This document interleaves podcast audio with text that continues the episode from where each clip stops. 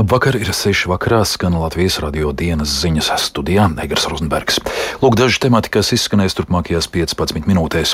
Putins uzdod pārtraukt uguni visā frontes līnijā Ukrainā pareizticīgos Ziemassvētku laikā. Vatikānā notikusi atvadīšanās no bijušā Romas pāvesta Benedikta 16. Valdība cer līdz 9. februārim budžeta plānu nodot saimai sadarbības partneriem vēlmju daudz.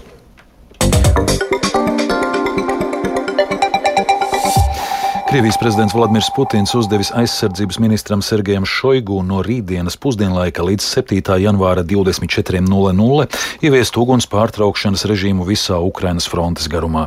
Iepriekš šādu Ziemassvētku pamieru bija aicinājis izsludināt arī Krievijas pareizticīgās baznīcas patriarhs Kirills, kurš atklāti atbalstīs karu Ukrainā.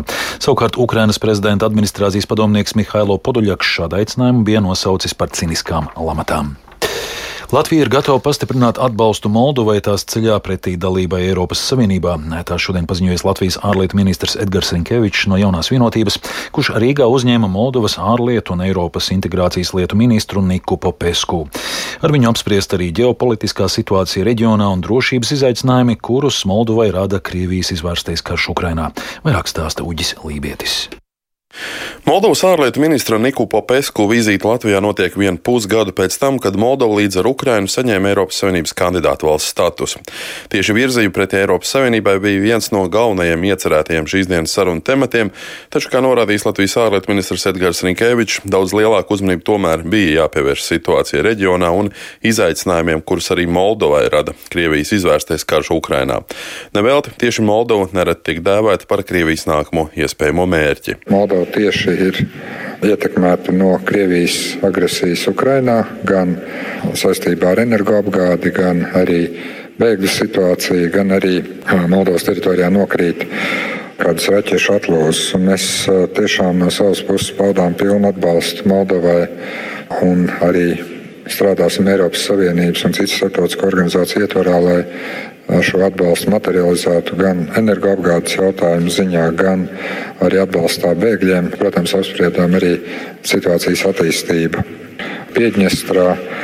Un es no savas puses atkārtoju Latvijas nemainīgo pozīciju gan par Moldovas teritoriālo nedalāmību, gan arī par atbalstu Moldovai nu, šajā ne pārāk vienkāršajā situācijā. Runājot par Moldovas integrāciju Eiropas Savienībā, Rinkevičs norādīja, ka jau tagad Moldovai tiek sniegta ekspertu palīdzība dažādu reformu īstenošanā, un šāda palīdzība tiks pastiprināta, lai veicinātu kritēriju izpildu dalībai Eiropas Savienībā. No savas puses Niku Popesko atzinis, ka šī palīdzība jau sniedz pirmos rezultātus, taču darāmā vēl ir ļoti daudz. Globālajā demokrātijas ziņojumā mēs esam nosaukti par demokrātijas gaišo punktu. Eiropas padome ir paaugstinājusi mūsu reitingu cīņā ar naudas atmazgāšanu. Mēs esam par 49 vietām cēlušies reportieru bez robežām ziņojumā par preses brīvību valstī. Mēs esam paveikuši arī daudz citu lietu, kuras starptautiski ir atzītas par progresu virzībā pretī tam, lai mūsu valsts tiktu uzskatīta par brīvu, demokrātisku demokrātisku un eiropeisku. Niku Popesku atzīst, ka Krievijas kara dēļ Moldovai arī jāsaskars ar strauju cenu kāpumu un ekonomiskajām grūtībām, vienlaikus paužot cerību, ka ar rietumu sabiedroto, tostarp arī Latvijas palīdzību, šādus izaicinājumus izdosies pārvarēt pēc iespējas īsākā laikā. Uģis Lībijams, Latvijas radio. Desmitiem tūkstoši cilvēku klātienē un miljoniem attālināti šodien vēroja Vatikānā notikušo svinīgu atvadīšanos no bijušā Romas pāvesta Benedikta 16., kurš nomira 31. decembrī 95 gadu vecumā. Bēru ceremoniju vadīja pašreizējais katoļu galva pāvests Francisks, kurš stājās amatām 2013. gadā pēc Benedikta 16. atkāpšanās. Plašāk Ulda Ķēzbera sagatavotajā ierakstā.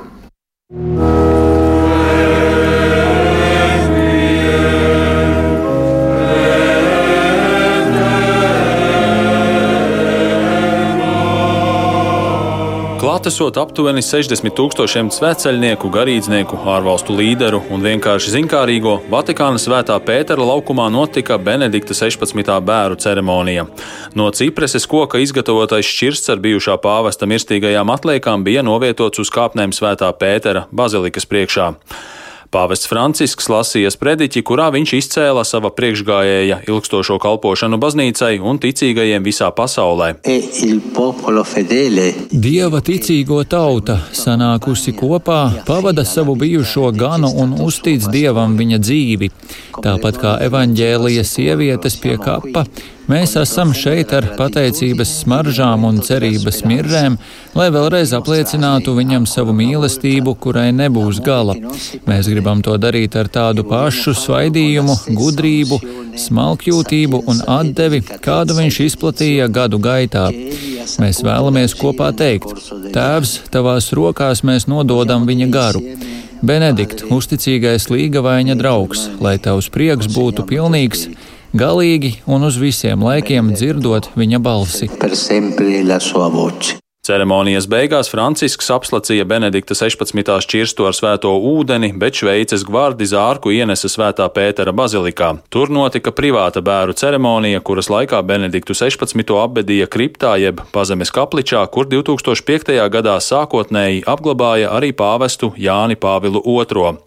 Būtiski izcelt, ka šī bija pirmā reize mūsdienu vēsturē, kad amatā esošs pāvests izvadīja mūžībā savu priekšgājēju. Vatikāna ielās uzrunātie cilvēki neslēpa sajūsmu par iespēju būt klāt šādā vēsturiskā notikumā. Lūk, ko sacīja kāds vīrietis no Spānijas. Pāvesta bērns nenotiek katru dienu. Benedikts 16. bija pāvests laikā, kad mēs bijām pusauģi. Mēs viņu ļoti mīlam. Vācijā dzimušais garīdznieks Jozefs Racingers par pāvestu Benediktu 16. kļuva 2005. gadā, bet no amata atkāpās 2013. gadā, to pamatojot ar savu vecumu. Uldis Česberis, Latvijas radio. Spānijas policija arestējusi 43 cilvēkus par migrantu strādnieku ļaunprātīgu izmantošanu. Vairumam migrantu nav bijuši dokumenti, kas ļautu legāli strādāt Spānijas lauksaimniecībā. Pārsvarā iebraucēji bijuši no Marokas. Noziedznieki esot prasījuši līdz pat 3000 eiro par viltus darba līgumiem, kas ļautu migrantiem saņemt legālu statusu Spānijā. Turpina Arķems Konohaus. Noziedzīgā grupējuma dalībnieku aresti notika Spānijas dienvidos esošajā Malagas pilsētā. Policija vēsta, ka daži no imigrantiem bija spiesti dzīvot necilvēcīgos apstākļos mājā, kas pieder noziedzniekiem. Vismaz septiņas Spānijas lauksaimniecības firmas esot guvušas labumu no šī nelegālā darba spēka izmantošanas. Starptautiskā darba organizācija ziņo, ka kopumā migranti ir trīs reizes vairāk pakļauti piespiedu darba riskam nekā vietējie pieaugušie. Valdība cer līdz 9. februārim budžeta plānu nodot saimai. Šajā gadā ministrija jaunajām prioritātēm varēs izmantot papildu 215 miljonus eiro, taču ar to visas vajadzības, kuru ir daudz, apmierināt nevarēs. Latvijas Brīvo arotbiedrības savienība vēlas celt ar nodokļiem neapliekamo minimumu, kā arī uzstāj uz minimālās mēneša darba algas turpmāku paaugstināšanu. Arī citiem sadarbības partneriem valdībai ir ierosinājumi. Par to, kā izvadītas budžeta sarunas Nacionālās trīspusējās padomjas sēdē, plašāk Lindas Spundiņa ziņas ierakstā. Latvijas Brīvo arotbiedrības savienības priekšsēdētājs Egils Baldzēns atzīmē, ka jāceļ ar nodokļiem neapliekamais minimums. Tas ir svarīgi, lai Latvija būtu līdzīgā situācijā ar Igauniju un Lietuvu. Kaimiņu valstīs to cēla divus gadus pēc kārtas, bet pie mums tas šogad nav darīts. Igaunijā minimālā alga ir izdevīgāka No konkurētspējas viedokļa Latvijas darba devējiem par 41,5% un Lietuvā par 20%. Tas ir vēl neģerēķinoties to, ka viņi paaugstina gan neapliekamo minimumu, gan minimālo algu un ievērojumu. Arotbiedrība vēlas uzstāt uz minimālās mēneša darba algas turpmāku paaugstināšanu. Savukārt Latvijas Tirzniecības un Rūpniecības kamera varētu rosināt darba spēku nodokļu samazināšanu, jo kaimiņu valstīm šīs izmaksas ir mazākas. Iekšlietu darbinieku arotbiedrības vadītājs Armāns Augustāns Nacionālās trīspusējās padomas sēdē uzsvēra, ka par 10% vajadzētu palielināt darbinieku atalgojumu, kā arī vēlētos, lai 2,5% no iekšzemes koprodukta tiktu novirzīti iekšējai drošībai. Vajadzību un ierosinājumu nozaru pārstāvjiem ir daudz. Sēdē nediskutēja par to, ko ņemt vai neņemt vērā. Tika apspriests, kā valdība budžeta veidošanā iesaistīs sadarbības partnerus. Finanšu ministrs Ārvils Ašradens no jaunās vienotības nozara pārstāvis iepazīstināja ar makroekonomiskiem rādītājiem. Ir inflācijas situācija. Tā ir augstāka nekā mēs prognozējam, un tas ekonomiskais scenārijs liek teikt, mums jau šobrīd tas ir šāds, tā, tā izpildīšanās prognoze ir 50-50. Ja, viņš var būt tāds pats un var arī nebūt. 23. gadā tiek plānots IKP kritums par 0,6%. Tātad mēs ejam seklā recesijā. Atgādināšu, ka šajā gadā ministrija jaunajām prioritātēm varēs izmantot papildu 215 miljonus eiro. Tas ir apmēram desmit reizes mazāk nekā ministrijas pieprasījuši savos sākotnējos pieteikumos.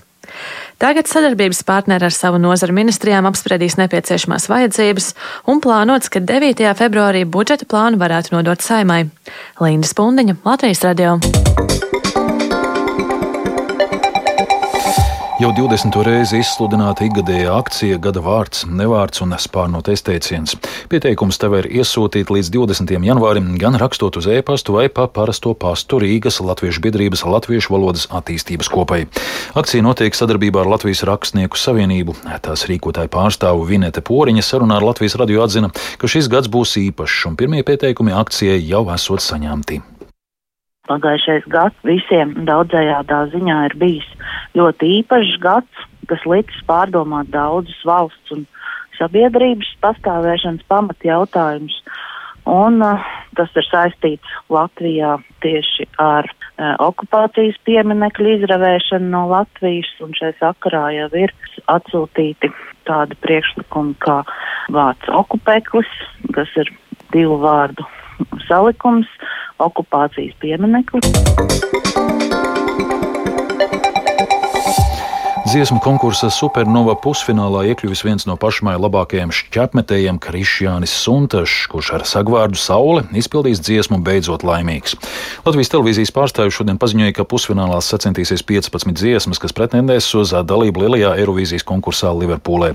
Pusfinālistu vidū ir arī 2019. gada Eiropas junioru vecumā līdz 20 gadiem grupas vicečempions šķepmešanā Suntašs. Viņš ilgāku laiku nav piedalījies šķepmešanas sacensībās pleca traumas dēļ, bet šobrīd veica rehabilitāciju Latvijas Olimpiskās vienības speciālistu vadībā. Suntašs jau drīzumā cer atgriezties arī sacensību sektorā. Viņa lielais mērķis esot izpildīt olimpisko normatīvu.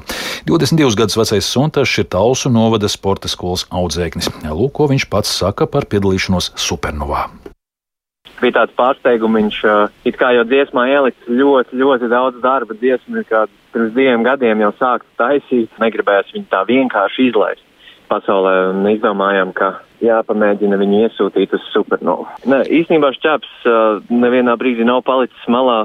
Cītīgi strādāju Olimpiskajā vienībā ar fizioterapeitiem visu šo laiku ar savu plecu un papildus trenējos. Dažbrīd mūzikai nemaz nav sanācis laiks, un pat vienā brīdī es gandrīz mūziku nometu malā. Kā kuru nedēļu, bet praktiski pusi no dienas treniņiem, pusi no dienas mūzikai. Ar to izskan Latvijas radio dienas ziņas producents Viktors Pupiks, ierakstus montēja Uldis Grīnbergs, par labskaņu rūpējās Kārlis Rašmanis. Studijā Negars Rozenbergs vēlreiz īsumā par svarīgāko. Putins uzdod pārtraukt uguni visā frontes līnijā Ukrainā pareizticīgo Ziemassvētku laikā. Vatikānā notikusi atvadīšanās no bijušā Romas pāvesta Benedikta 16. Valdība cer līdz 9. februārim budžeta plānu nodot saimai. Sadarbības partneriem vēlmju daudz. Un vēl par laikapstākļiem. Pat labi galvaspilsētā mīnus 6 grādi lēns austrumu vējš, atmosfēras spiediens 760 mm, relatīvais gaisa mitrums 74%, bet kāds laiks gaidāms turpmākajās dienās prognozē Ilze Golubeva. Piektdiena Latvijā aizritēs ar lielākoties sausu laiku, un arī mākoņu debesīs būs pavisam maz. Pierims vējš un kļūs arī krietni augstāks jau naktī. Gaisa temperatūra valsts lielākajā daļā pazemināsies līdz minus 13, minus 18 grādiem, bet kurzemes ziemeļos un jūras piekrastē vietām nebūs augstāks par minus 5, minus 10 grādiem. Arī piekdienas dienā visā valstī pieturēsies sauss un gaisa temperatūra būs no minus 6 grādiem jūras piekrastē līdz minus 13, minus 14. 14 grādiem vietām vidzemē un latgalē. Arī brīvdienās Latvijā augstums turpināsies un arī būtiski nokrišņi valstī nav gaidāmi.